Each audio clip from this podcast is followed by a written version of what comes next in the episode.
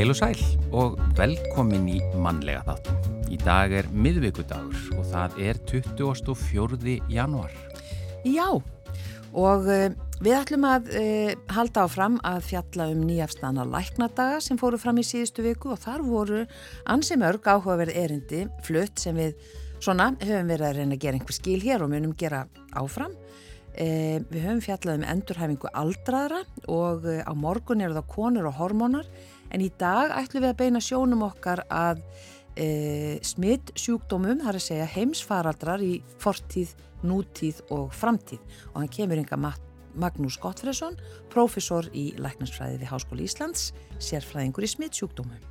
Já, uh, Hjördis Inga Guðmundsdóttir, sérfræðingur í klíniskri sálfræði sem hefur sérhæfts í einstaklingsmeðferð fullkomina, nei fullorðina, ekki fullkomina. Já, það var nú gaman að þeir verður nú til. Já, hún ætlar að koma í þáttinn og hún ætlar að fræða okkur um ACT meðferðaformið og það telst til þriðju bylgu hugrætnar atferðlis meðferðar og miðar að því að auka sálfræðilegan sveianleika og hún ætlar að útskýra þetta betur fyrir okkur hér á eftir og segja okkur frá líka námskeiði sem að hún stendur fyrir hjá Endurmentun Háskóla Íslands og heitir Livðu í sátt.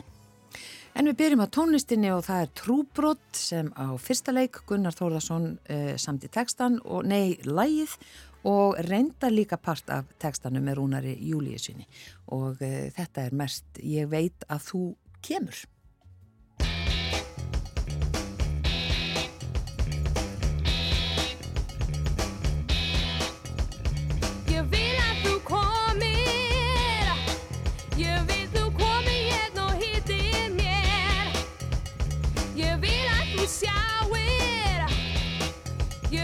shall we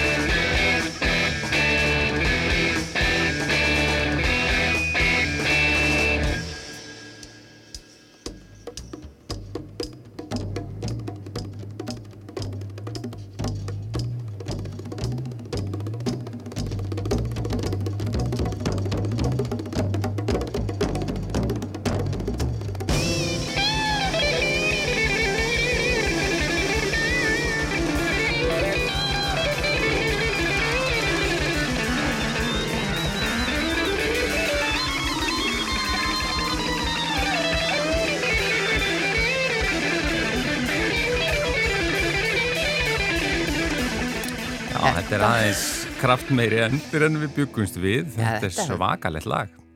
Þetta er náttúrulega þekkir fólk vel og þetta er svona bara, þetta er svona hressandi.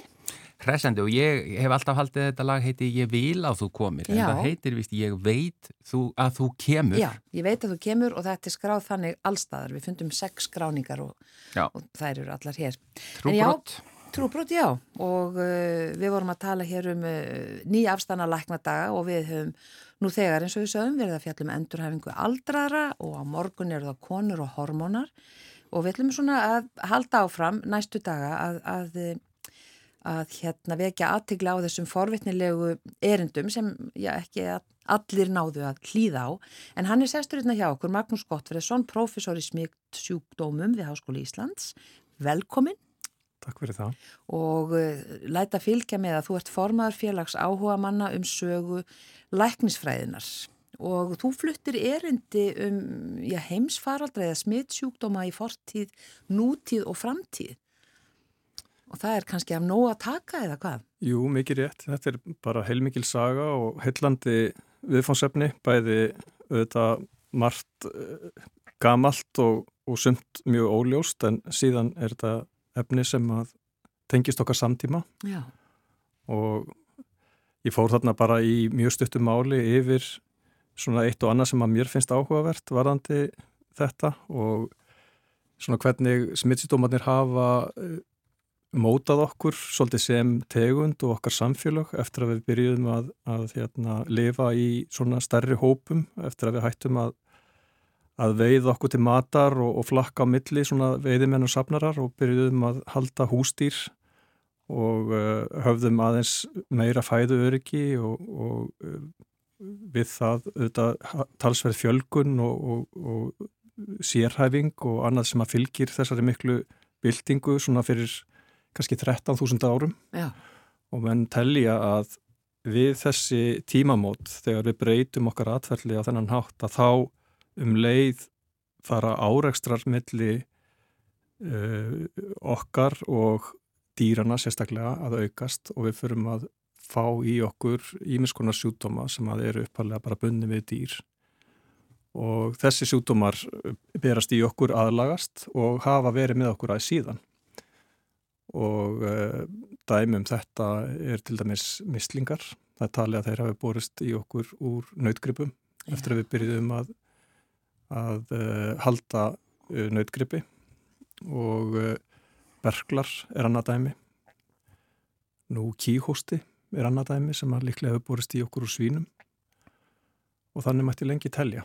Þannig að þetta eru áhugaverðar uh, svona vangaveltur og ímislegt held ég sem að þessi saga getur kent okkur líka um okkar samtíma og hvernig fólk hefur brúðist við í ljósisugunar og líka hvernig það mun kannski bregðast við þegar uh, næsti vágestur uh, bankar á dittnar og við erum auðvitað ný komin út úr heimisfaraldri sem að hefur held ég mótað okkar samfélag. Þó að hann sé svona umgarð gengin sem heimsfaraldur og sem uh, svona neyðar ástand en auðvitað ótrúlega margt sem að verður ekki samt. Og margt í okkar atverðli og alls konar samfélagsbreytingar sem hafa komið til vegna þess. Já, Og já, þannig að þetta var bara gaman að aðeins að rifja þessa hluti upp og hvernig, hvernig þeir hafa þróast og það má segja í raun og veru að, að við fordleifa uppgröft eins og til dæmis í Evrópu að þá hafa menn fundið merki þess að svartidauði hafi gengið uh, 5.000 árum fyrir Krist. Já, sa sami og svo kom aftur og aftur. Já, Sko, hvað var svartidauði? Hvað nákvæða hverslags eh, smittsjúkdómur var það? Svartidauði er bakterjusíking sem að berst í menn uh, yfirleitt frá dýrum og stundum uh, getur endar svartidauði smitast frá manni til manns uh, en almennt að þá smitast hann og sérstaklega við hugsaum um svartidauða þá verður okkur hugsa til kannski miðalda í Evrópu ekki satt. Mm. Það er gerðan talað um það sem annan heimsfaraldur svartadauða já, fyrsti heimsfaraldurinn uh, hefst á annari öld eftir Krist og það kom uh, komið þrjár stórar bylgjur í uh, rómverska uh, heimsveldinu á þeim tíma.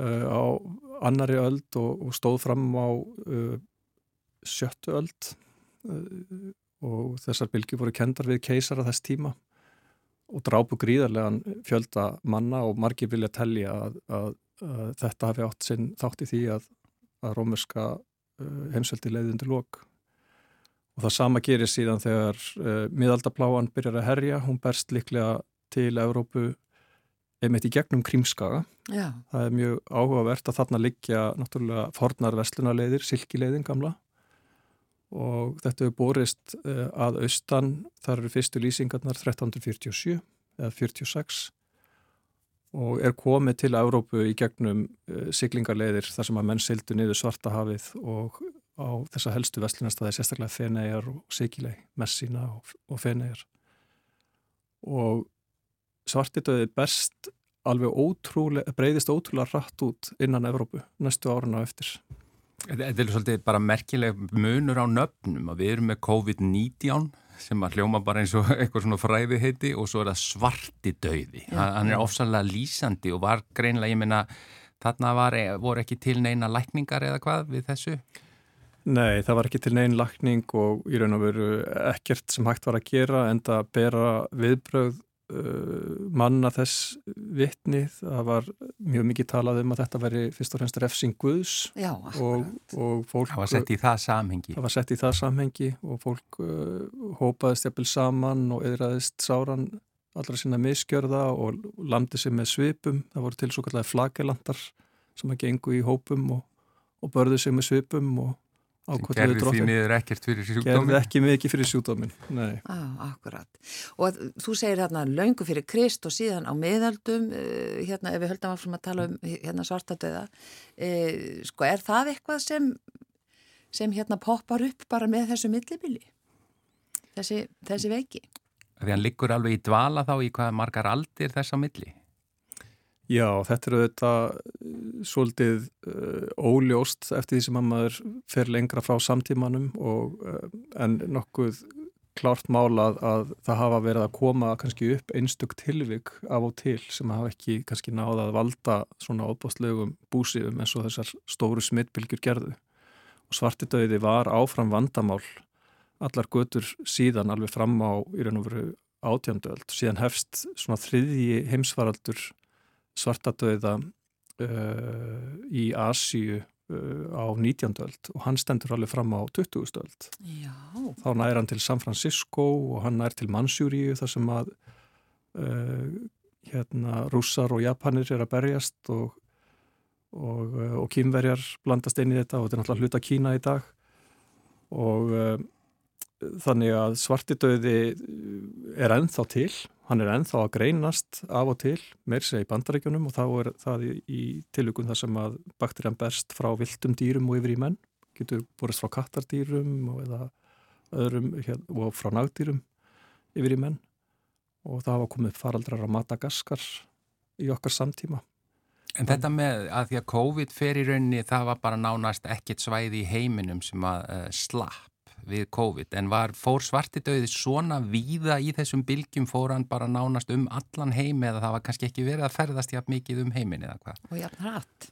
Nei, menn voru ekki að ferðast jafn mikið eða jafn hratt um heimin en, en þess vegna er í raun og veru ótrúlegt þegar maður lítur á þessa miðaldabláu að hún, eh, eins og ég sagði á þann, byrtist fyrst á Krímska 1346 og hún er komin til sko söður átta Breitlands bara rúma ári setna. Já. Eða tveimur árum setna. Já, já og drefur þar kannski 30% af íbúinum. Við kemur ekki til Íslands eins og var fyrir 1402 þannig að við vorum náttúrulega mjög einangrið á þessum tíma og, og, og við vorum þess að í skjóli framanaf. Já.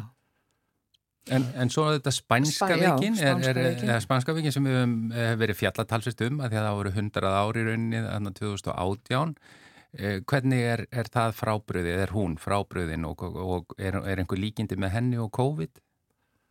Það eru vissilega ákveðin líkind, þetta eru jú mismunandi veirur, annars vegar influensa sem að veldur spænskuvekinni og COVID er uh, af öðrum flokki, svo kallu koronaveira og uh, smitleðnar eru nokkuð á þekkar, einkennin í dag eru þetta alls ekkit uh, svo sem mjög frábröðin, maður getur ekki greint það bara með því að, svona, að hugsa sig um eða spyrja fólk spjörnum úr, þurfum að taka þessi próf. Eh, spænska veikin var auðvitað alveg rosalegt áfall fyrir heimsbyðina kemur fram 1918 fyrsta bylgjan og kemur hér uh, til Íslands um, um sumar 1918 og er þá alls ekkert mjög skæð. En uh, setni bylgjan sem að kemur í oktober með botníu, hún fór ansi ílla með okkur og, og náttúrulega eins og hefur marg oft verið rifið upp á undarförnum mánuðum og árum uh, lamar alveg samfélagið hérna Já. og dánatíðnin var um, í kringum 2,5 til 3% sem að kannski fljótt á leitið telst ekki vera mjög hátt en þeirra um er að ræða mjög uh, smitandi síkingu sem að fer mjög hratt yfir þá veldur það alveg gríðalegum uh, búsifjum og náttúrulega öll þessi veikindi, fólk sem að deyr ekki en er mjög veikt og álengi í eftirstöðum veikinar Þannig að þegar maður sér það í því samhengi þá áttar maður að segja á því hversu óbúslega takk það er. Svartidauði hins vegar uh, breytist alls ekki jafnrætt út. Uh, þar var útbreystan fyrst og fremst uh, tengd sko róttum og flóm sem að koma að fylgja róttunum og býta fólk. Og, og þess að tengjast svona svartadauða faraldrar eða, eða hópsíkingar mjög gerðnan lélugur hreinlæti, miklu þraungbíli, eh, neyðar ástandi eins og á svæðum þar sem að fólk hefst við, við íllankost flottamannabúðum eða þar sem að eh, innviðir eru mjög veikir og kannski holræsir og opinn og annað slikt að það er náttúrulega geta róttur náð sér mikið á stryk og þá koma þessir vágistir gerðnan með. Og það er einmitt það sem að, við erum mynd á í dag að það vera að vara við því að það sé mikið neyðar ástandi uppsiklingu til dæmis á þeim svæðin sem að eru núna vettangur stríðs átaka. Já, já, akkurat. Og svo, já, það er mjög að, já, aðtrygglisvert öruglega svona uh, í ljósi sögunar er mitt að svona skoða þessa heimsfralda. Er eitthvað svona sem við höfum ekki spurt um, eitthvað svona sem er glemt en, en uh, svona í sögunni en gæti kannski poppa upp aftur, svo ég noti aftur það orð, að poppa upp með heimsfaraldur. Ég held að það sé svolítið mikilvægt að hafa það í huga einmitt að uh, svona heimsvaraldrar eru eðli uh, málsins sangkvæmt oft svona eitthvað sem að riðlar býstna mikið stöðuleika á mörgum sviðum. Það auðvitað hefur áhuga, áhrif á okkar efnahag, það hefur mjög mikil pólitísk áhrif eins og við urðum vitnið að sérstaklega í bandaríkjónum þar sem umræðan var mjög skautuð, við erum ennþá svolítið kannski að súpa segið af því Já. og og þetta hefur um, þessana áhrif á hluti eins og tröst bara almennt í samfélaginu. Mm. fyrir utan auðvitað bara þessi beinu áhrif sko veikindarna á einstaklingana. Uh, riðlar auðvitað alls konar svona varnar uh, viðbröðum sem við höfum sem samfélag. Uh, helbriðskerfinu verða ekki jafn öflug og ef maður kynir sér til dæmis frettir dagsens í Guardian það er verið að ræða þar um mislingafaraldur sem að er mikið áhugjefni á Breitlandsegjum og það er vegna þess að þeir mistu svolítið tökin á sínum ungbarnabólusetningum, þáttaka í ungbarnabólusetningum var ekki nægilega góð og það var vegna þess að helbriðskerfið bara réð ekki við það verkefni samhliða þessu viðbútar álægi vegna COVID og núna er það að koma fram. Og allþjóða helbriðsmálastofnun er mitt að gefa út viðvörun núna um þess að myndur út af þessu, það eru fleiri þúsund mann sem hafa smitast af, af mislingum sem er mjög anstíkileg og, og ömurleg síking. Er, eru mislingar að draga fólk til dauða í dag? Já, það eru nú þegar komið nokkur döðsvöld vegna mislinga. Á Breitlandsegjum? Uh, ég veit ekki hvort það eru öll á Breitlandsegjum en ég sá núna að það verið fimm döðsvöld komin líklega í Evrópu uh, mm. núna fram að þessu en uh, mörg hundruð ekki þúsundir sem að hafa smitast og síðan auðvitað þeir sem að uh, ekki degja geta enga síður sittið uppi með verulegan skada af völdum mislinga. Það vil svolítið gleymast þegar við erum með uh, smittsjúdóm eins og mislinga uh, sem að okkur hefur tekist mjög vel að bólusita gegn að við gleymum því hversu umurleg pest þetta er mm. og þess vegna má segja kannski að bólusetningar verðastundum fórnalamb eigin velgengni. Fólk ja. kann ekki að meta þær, átt að segja á því hversu heppið það er og þetta er, það áminning fyrir okkur að, að halda hérna, okkar stefnu með ja. það. Og svo bara svona ákveðin hópin sem bara e, er á móti bólusetningum af öllu tægi. Já, og svo er það þetta annað vandamál og, og eitthvað sem við þurfum að, að, hérna, að reyna að uh, vinna buga og þar kemur einmitt tröstið mm. til skjálana og auðvitað samfélagsmiðlar, hvernig við tölum saman, hvaða upplýsingum við trúum og svo framvegs og það er þetta stort verkefni að, að reyna að endurheimta tröst og, og kenna fólki að uh, lesa upplýsingar á réttanhátt, tólkaður á réttanhátt fara kannski síður eftir uh, ráðleggingum einhverja tiltekina einstaklinga, spekinga sem eru áhrifamiklir uh, áhrifavaldar á, á samfélagsmiðlum en hafa raunverulega enga þekkingu á efninu sem þeir eru að tjásugum. Þannig að þetta er samtímin í dag, hann er náttúrulega flókin, en Það eru upplýsing á óreiðan. Já. Já. En það er erfitt að kannski sjá fram í tíman en eru eitthvað, eh, þið sérfræðingarnir, eru, ykkur, eru blikur á lofti eitthvað og ég menn og getur við lært af þessari erfiður einslu sem við höfum öllur að gangi í gegnum með COVID? Já, ég held það. Þeir sem að væru svona kaltæðinir myndu kannski segja að það eina sem við höfum lært er það að við lærum ekki neitt hmm. og það hefur oft verið sagt. Uh, eh, Aðteglin beinist auðvitað mjög fljótt annað en ég held að við verðum að uh, að reyna að tryggja það að við séum betur undir þetta búin næst uh, hvað svo sem það verður. Uh, það eru ímiskonar veirur sem eru á ratar helbriðsi valda uh, um allan heim og það er verið að reyna að vakta ástandið þannig að menn geti bröðist við þeir sjá einhverja breytingu ef það verður skindilega aukning á einhverjum tilteknum stað svæði sem eru mjög mikið undir smásjáni eru mitt í Asju þar sem að þessar síkingar hafa svona sögulega séð mjög gerðan uh, byrjað og uh, eitt dæmið um það er auðvitað fugglaflensa sem að er búið að vera mikið í umfjöldun. Hún hefur náð heilmikilli útbreyslu um heim allan meðal fuggla. Hún hefur ekki hoppað á milli tegunda og yfir í menn. Við vitum hins vegar að influensu veiran getur gert það og við vitum líka að fugglaflensu veiran sem að núna er búin að ná ansi mikill útbreyslu, hún þarf bara tvö þreipi viðbútt til þess að aðlagast okkur á mjög góðan hátt. Þannig að þá gætu við orðið miklu bær skjaldadri heldur með erum í dag. Já. Og þess vegna þarf að fylgjast með þessu. Já, og vakta þetta. En eru menn þá byrjaðir eh, svona á bóluefna tilraunum einhverjum já, í menn, ljósi alls þessa? Já, menn reyna auðvitað að, að sjá fyrir svona hvaða hérna oknir gætu uh, stæðið að og og verið þá tilbúinu með forskrift af bólöfni eða jafnvel einhverja örfa á skamta af bólöfni sem þeir eru búið að framleiða. En vandamálið er það að þessar veirur breyta sér mjög rætt og það er ekki víst að kannski einhver gömul útgafa, einhver gömul forskrift af veiru sem að síðan er búin að þróast að það muni gagnast sérstaklega vel. Mm. En þetta er það sem við getum gert í, í dag. Já. En að þú nefndir hérna mislingana, svona eitthvað sem menn er að vakta í dag og hafa áhyggjur af, á hvað aldrei er svo, eða fer svo bólusetning fram gegn mislingum?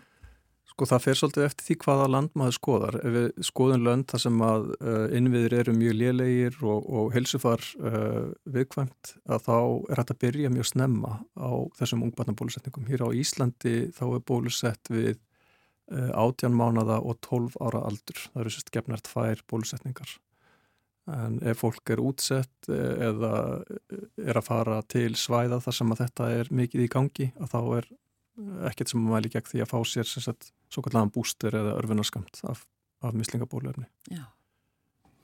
Gott að vita það. Já, við hefum geta verið hér Miklu í allan um dag. Þetta, Magnús Gottfriðsson, professori smitt sjúkdómum við Háskóli Íslands. Kæra þakki fyrir að koma hinga til okkar og, og við höfum kannski eftir að fá því aftur í eitthvað spjall og þá kannski sérstaklega daglega sem formann e, þessa félags, félag áhuga manna um sögu lækningsfræðinar. Takk fyrir. Takk sem les.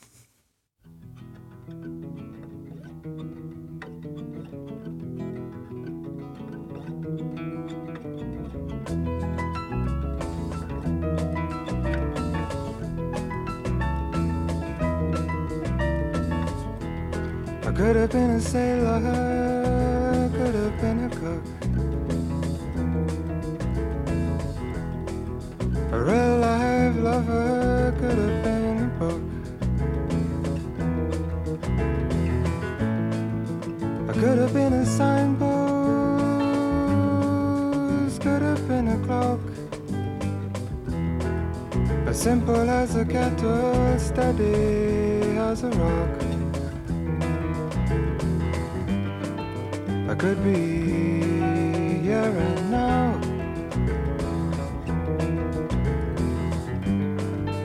Be, I should be, but how?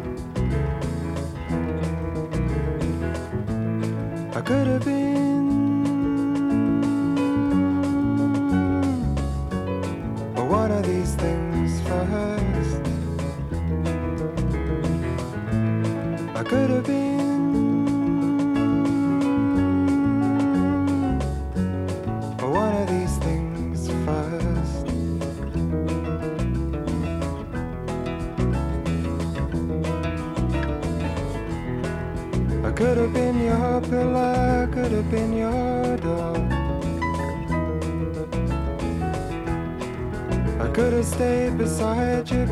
You,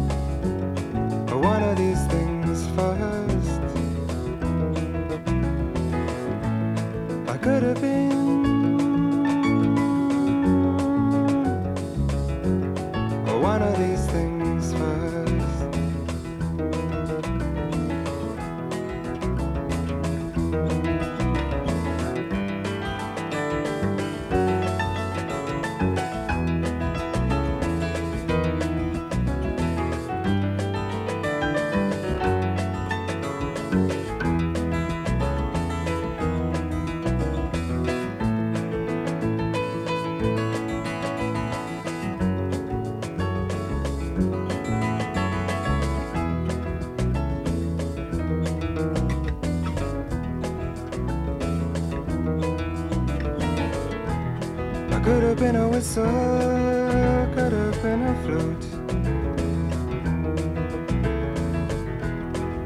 A real life giver could have been a boot.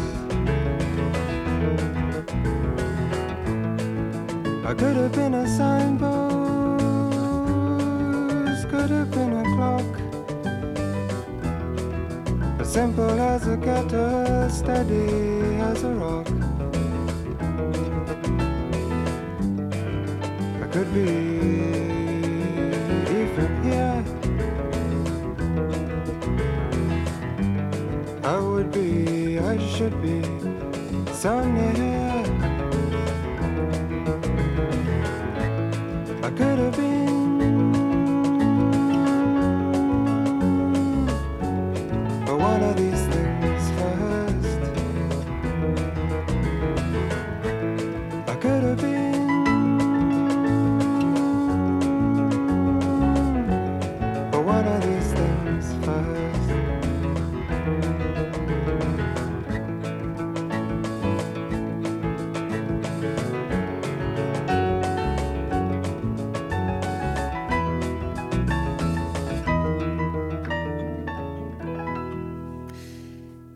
One of These Things First, þetta var Nick Drake.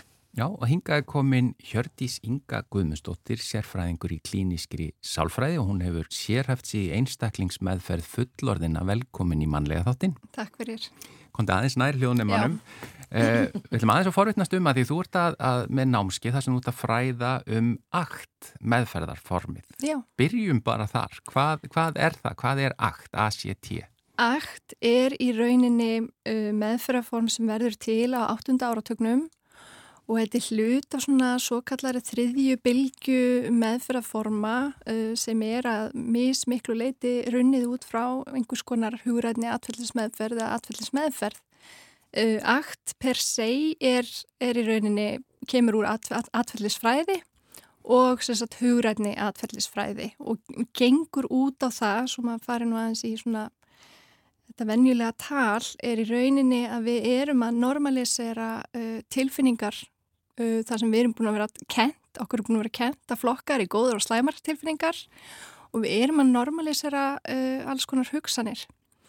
Þannig að þetta kemur út frá því að við erum náttúrulega í grunninn, við erum svona, við erum með rosalega þróaðan heila en á sama tíma gamalt varnarkerfi sem er með það að markmiði uh, að halda okkur lífi, á lífi og forða okkur frá því að líða illa. Mm.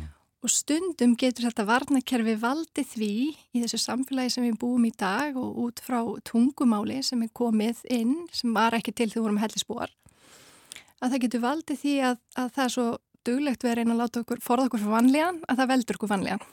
Og við fyrir að leita annar að leiða. Já. Já. Og ég meina, heilar okkar eru mm -hmm. sem sagt ennþá með þessi gömlu forrið bara í gegnum uh, kynnslóðina. Já, í rauninni má segja að við séum afkomendur kvíðnustu hellisbúana, þannig að það voru þeir hellisbúar sem að það var svona, við getum átt okkur á því að þá er náttúrulega ekkert endilega með mál og það var eitthvað sem nýftið til að fara að leita sér matar og það var eitthvað sem nýftið til að leita sér félagskap því það hámarkaði líkurnar að myndi lifa af, þú ert með einhverjum öðrum það er ekki rándir að fara að ráðast á þig um, það nýftið til að passa að þú fórst á nýja slóðir. Ef þú lendir í rándir í þar þá yfirfór það atbyrðin aftur, aftur, aftur til að læra af honum. Þannig að í rauninni það sem gerðist það sem að þjóna okkur rosalega vel er að þessir afkomundir þessara uh, kvínustu hellisbúa, þeir sem náða mynda sambönd og fjölga sér og, og pössu sig að, að verða ekki úti og eiga fæði, að þeir náttúrulega eignust síðan afkomundur afkomundur og við erum náttúrulega komið með þetta þróaða, háþróaða varnakerfi og náttúrulega þeir hellisbúar sem voru ekkert að spá í þessu, þeir voru náttúrulega líklegastir til að uh, vera drefnir eða verða úti. Já, Þannig að það voru hinnir sem, sem að komast af og áttu afkomendu sem að sem fóru varlega sem eru forfeður okkar þá Já. en hvað, ef við færum þetta yfir bara í nútíman mm -hmm. þá, þá hvernig eru við hvernig er þessi forrið þá mögulega ekki að hjálpa okkur Já. í dag?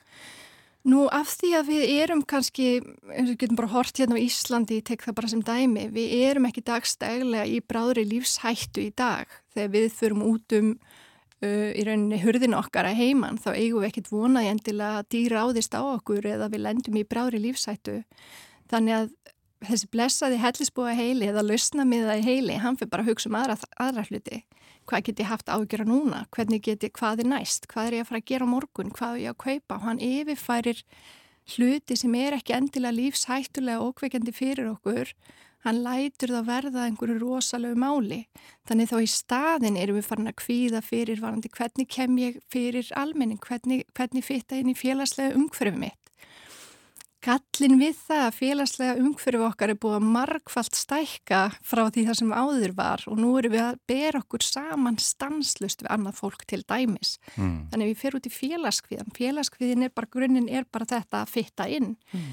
Uh, áður var það þróunafræðilega ef ég fittað ekki inn, ef þeim list ekki á mig þá var mér hent út rættfloknum þá ætti ég miklu meiri hættu að deyja núna getur það verið bara þetta menningarlega, menningarlega afglöp. Ég kemst alveg fræðilega af þótt ég sé einn en mér líður ekkert endilega vel með það.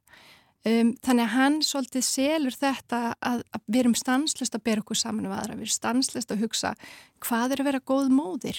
Við erum kannski með mynda því hvert og eitt okkar hvað er að vera góð móðir.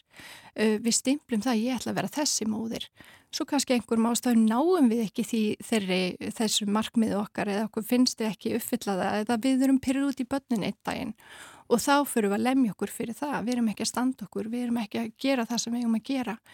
Og samanburðurinn varðandi þetta er það sem getur algjörlega að fara með okkur. Þannig núna er í rauninni lausna með heilin okkar er að lesa ára aðstæðunum okkar sem lífsættulegar þó þær séu það ekki endilega alltaf og alls ekki alltaf. Mm. Og hvernig virkar þá eins og til dæmis þetta meðferðarform akt til þess að hjálpa okkur mm -hmm. uh, í gegnum þetta? Sko fyrsta lagi vil ég, eh, sko, vil ég, það gengur náttúrulega út á það að sko í fyrsta lagi þurfum við að hætta að forðast þessu hugsanir það gengur ekkert að forðast þessa hugsanir eða forðast þessa tilfinningar. Okkur er búið að vera kent það svolítið mikið. Þetta sé vond, þetta er slæmt, við eigum ekki að hugsa svona. En í raunin er þetta bara hugurinn okkar að reyna að hjálpa okkur á sinn um, flókna einfaldamáta eins og hann getur. Þannig í fyrsta lagi getur orðið hann, sko ef við hunsum hann ef við ítum honum til hliðar í rauninni, kvíðanum og við ætlum ekki að hugsa um hann, þá fyrir rosalega orka í það. Það er rosalega aðteklinir ekki hér og nú á meðan þú ert upptekinn við að bæla niður, vera með áreiti, reyna að halda þér upptekinn eða uppteknum, annarkort að vera í símanum, vera að horfa á eitthvað því þú þólar ekki hugsaníðinar, en hvíðin fer ekkert. Hann er svona eins og, ég kalla hann eins og litli bróðir eða einhver að láta það vita, það er eitthvað að, það er eitthvað að. Þannig að hann sætir færis. Þannig á kvöldin þú ert að fara að sofa eða á nóttunni þá er hann ennþá í gangi, hann hættir aldrei. Og við deyfum hann kannski með einhverju sem er ekki gott fyrir okkur? Alveg 100% og það er alveg okkar, sko það er eðlilegt fyrir okkur að forðast einhverju leiti. Um, en þegar það farið að valda okkur vanda þá getur það orðið vesen. En hann kemur mig upp á stungur eins og til dæmis þetta því hann talar um, ég vil forðast vanlega núna, núna strax. Hann hefur engan áhuga til lengri tíma hvíðahugurinn okkar hellisbúi heilin er ekki að hugsa til langstíma. Hann er að hugsa núna, hvað lagar þetta? Núna. Þannig ef ég er streikt eða búið erfiðu dagur sem ég upplýði í vinnunni og ég finna ég er svolítið mikinn streitu þröskvöld, þá getur hann alveg sagt um já, farið bara eitt, tvö rauðvinsklus, þetta er allt í lægi. Og það er allt í lægi einstakar sinnum. En ef ég fyrir alltaf að hlusta á hann, í staðin fyrir að fara út að hlaupa eða fara í baði eða hvernig sem ég vil tækla þetta öruvísi þá er alveg líkur fyrir að ég geti þróa með mér eitthvað vesen varðandi vín allt ín er ég fann að treysta því það er bara eins og ít að taka það strax mingar, það er bara svona efnafræðilegt mm. Já. og hann getur gert þetta með önnulif, hann getur gert þetta með vímuefni, hann getur gert þetta með gerðu bara þetta, þetta lagar þetta strax en hann er ekkert að spá í þessi lausna með hugir ekki að veltaði fyrir hvort að þetta sé að fara að láta mig líða verð til, til lengri tíma. Já, til lengri tíma. Þannig að ég er svolítið að reyna að fá fólk til að sjá að veist, við þurfum að læra að hlusta á hvað hugurinn okkar er að segja og við þurfum að fara að læra að höndla tilfinningarna sem koma eins óþægilega þar eru.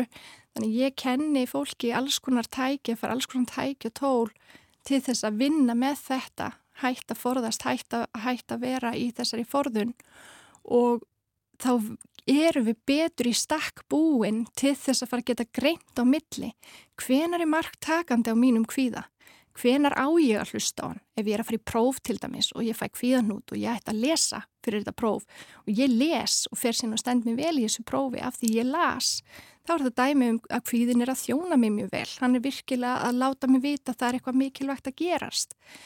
Um, þegar hann er ekki að þjóna mér ef ég er að vaka fram, að vaka fram eftir vaka alveg fyrir og þetta hefur það mikil áhrif á mig að ég bara ég jafnvel frís eða eitthvað svoleiðis að því hugsunni kringum hvíðan verður það mikil. Hvað ef ég fell, hvað þýðir það um mig? Þannig að dæmir við þurfum að grei, aðgreina þarna milli hvenar hann á sko, tilfinningar okkar eiga þjónust okkur við eigum ekki að þjónista þær. En það verður oft þannig, ég kalla að hlaupa eftir kvíðanum já. þegar kvíðin okkur segir eitthvað og við já, hlustum á hann, ok, þetta er ekki sniðugt, ég fer ekkert í þessa flugveldi, ég er með vonda tilfinningu, ég er hætt við fyrir flug, hvað hún rapar og í staðan fyrir að skoða, ok, við erum hér á Íslandi, það hefur aldrei orðið flugslis uh, hér, það hefur ekki, það bara förum ekki flug, þá erum við svolítið að þjónista kvíðan það er eins með kongulær, ef við erum hrætt við kongulær og okkur finnst það ekki og það fer að ráða því hvert við förum í frí, hvort það séu mikið á kongulóm eða ekki, mm. þá eru við svolítið að hlusta á hvað hvíðin er að segja, kongulær séu hættulegar, þó að bara brota brota þeim séða í rauninni. Þá eru við aftur að, þá eru við að þjónusta hvíðan við að þjónusta tilfinningarnar. Þetta námskeið sem út með hjá Endurmentun Háskóla Íslands heiti Livðu í sátt. Uh, og þetta er auðvitað ekki, þetta er alveg sex skipti því að þetta er ekki einhver skindilust uh, og er þetta námskeið fyrir bara hvert sem er, allir sem hafa áhuga á þessu og, og vilja jæfnvel bæta sína líðan? Já, allir. Og í rauninni, þú veist, getum við hugsað þannig að læra að tækla tilfinningar sínar á annan hátt og auðlast meira sátt við að, að við að vita það að við, lífið er þjáning eins og ég segja aktinu. Eh, og það er bara spurning vil ég lífa lífinu eins og ég vil lífa því eða ætla ég að lífa því eins og ég held ég ætti að lífa því? Þannig í rauninni að, að hámarka að vita hver eru gildin mín hvað vil ég fara eftir. Við ofti missum sjónar á hver gildin okkar eru og erum kannski komin í pínu ógungur og jafnvel tínt hvað það varðar. Þannig hjálpa líka að koma með æfingar fyrir fólk til þess að átta sig á hvert er ég að stefna. Því að markmiðum náum við ekkit alltaf. Mm. en við getum byrjað að lifa eftir gildunum okkar strax. Hjördís Inga Guðmundsdóttir sérfræðingur í klíniskri sálfræði þakka þér innilega fyrir komin í manlega þáttin Takk kjærlega fyrir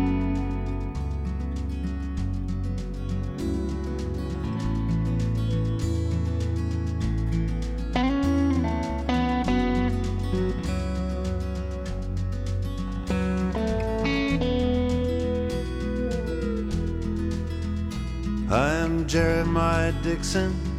I am a Geordie boy. Glass of wine with you, sir, and the ladies I'll enjoy. Old Durham and Northumberland is measured up by my own hand.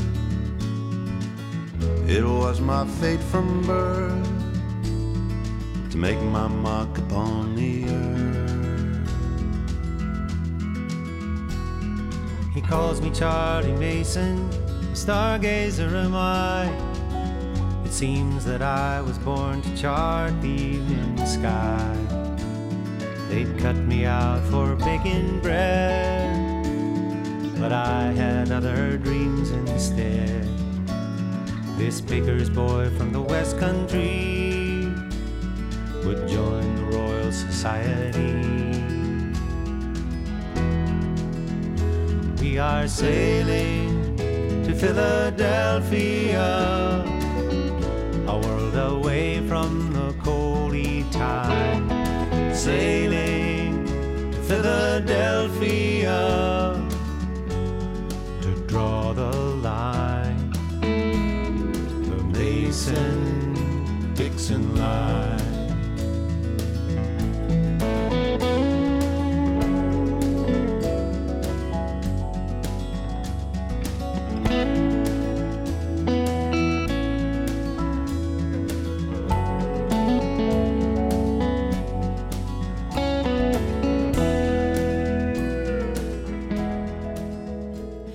Þetta er Mark Knopfler og uh, Sailing to Philadelphia, síðasta lagið okkar í mannlega þættinum í dag og uh, við bara verðum hér aftur á morgun. Já, Þá það er er landsleikurinn á eftir. Já, hálf þrjú, er það ekki? Hann er hálf þrjú og það er auðvitað sko þetta er svolítið fyndin staða sem er komin upp sko Já. því að við eigum smásjans að komast í þessa keppni undan keppni fyrir ólimpíleikana því að það var nú markmið okkar fyrir móti það var að ná þangað Já, en það þarf margt að ganga upp. Já, og nú er líka staðan er svo flókin að, að það er bara erfitt að skilja hana. Uh, því að það er bara, það geta verið svo margt, uh, sko við Það er- þurfum að vinna hennar leik. Já, en það er mörg ef þarna. Já, og svo þarf þetta að fara svona og þetta þarf að fara svona og við þurfum að vinna með þetta mörgum mörgum og, og þessi má ekki gera þetta og það er búið að gera náttúrulega svolítið grína þessu að, að hérna hafa komið fram alls konar áhugaverðar svona uh, hann var að reyna að skilja þetta hann Hallgrímur Ólason leikari. Já, Halli Melló. Já, uh, hann setti inn fæslu á, á Facebook þar sem hann sagðist vera, ég er búin að skilja þetta, ég, ég er búin að átta með á þessu. Uh, hann segir nummer eitt, það þarf hlaupa ár að vera á undan 20 ára ammalistegi yngsta leikmannsliðsins. Það er nummer eitt. Uh, og nummer tvö er að við þurfum að vinna Austuríki með áttamörkum nema þessi vinstri umferð í landinu sem að liggur næst landinu sem er í fjórðasætti í reylinum. Annars er kastað upp á það og svo kemur við nokkrar tilugur til viðbótar. Þetta er bara, þetta er næstu því svona flókið. Já, þetta er næst í svona flóki. Mm. En ég segi nú bara meðan við eigum möguleika, þá er uh, spennandi að fylgjast með leiknum. Já, já. Það það er bara þannig. Frábær Og- og allir síðasti sigrar. leikur. Ef, að- ef þetta gerist og ef hitt gerist, ekki, ekki gott að segja. En e, við vonum að þið hafi haft e, bara gagn og gaman af, af því að hlusta á, á þáttin okkar í dag. Já, Við höfum komið, já, víða við bara svona í læknisfræðilegu tilliti. já, já, og höldum áfram á morgun í því. Já, þá ætlum við að tala um konur og hormóna Já, og eh, en annars bara þökkum við fyrir samfélgina í, í dag. Verðum hér aftur á sama tíma á morgun. Verðið sæl. Thank you.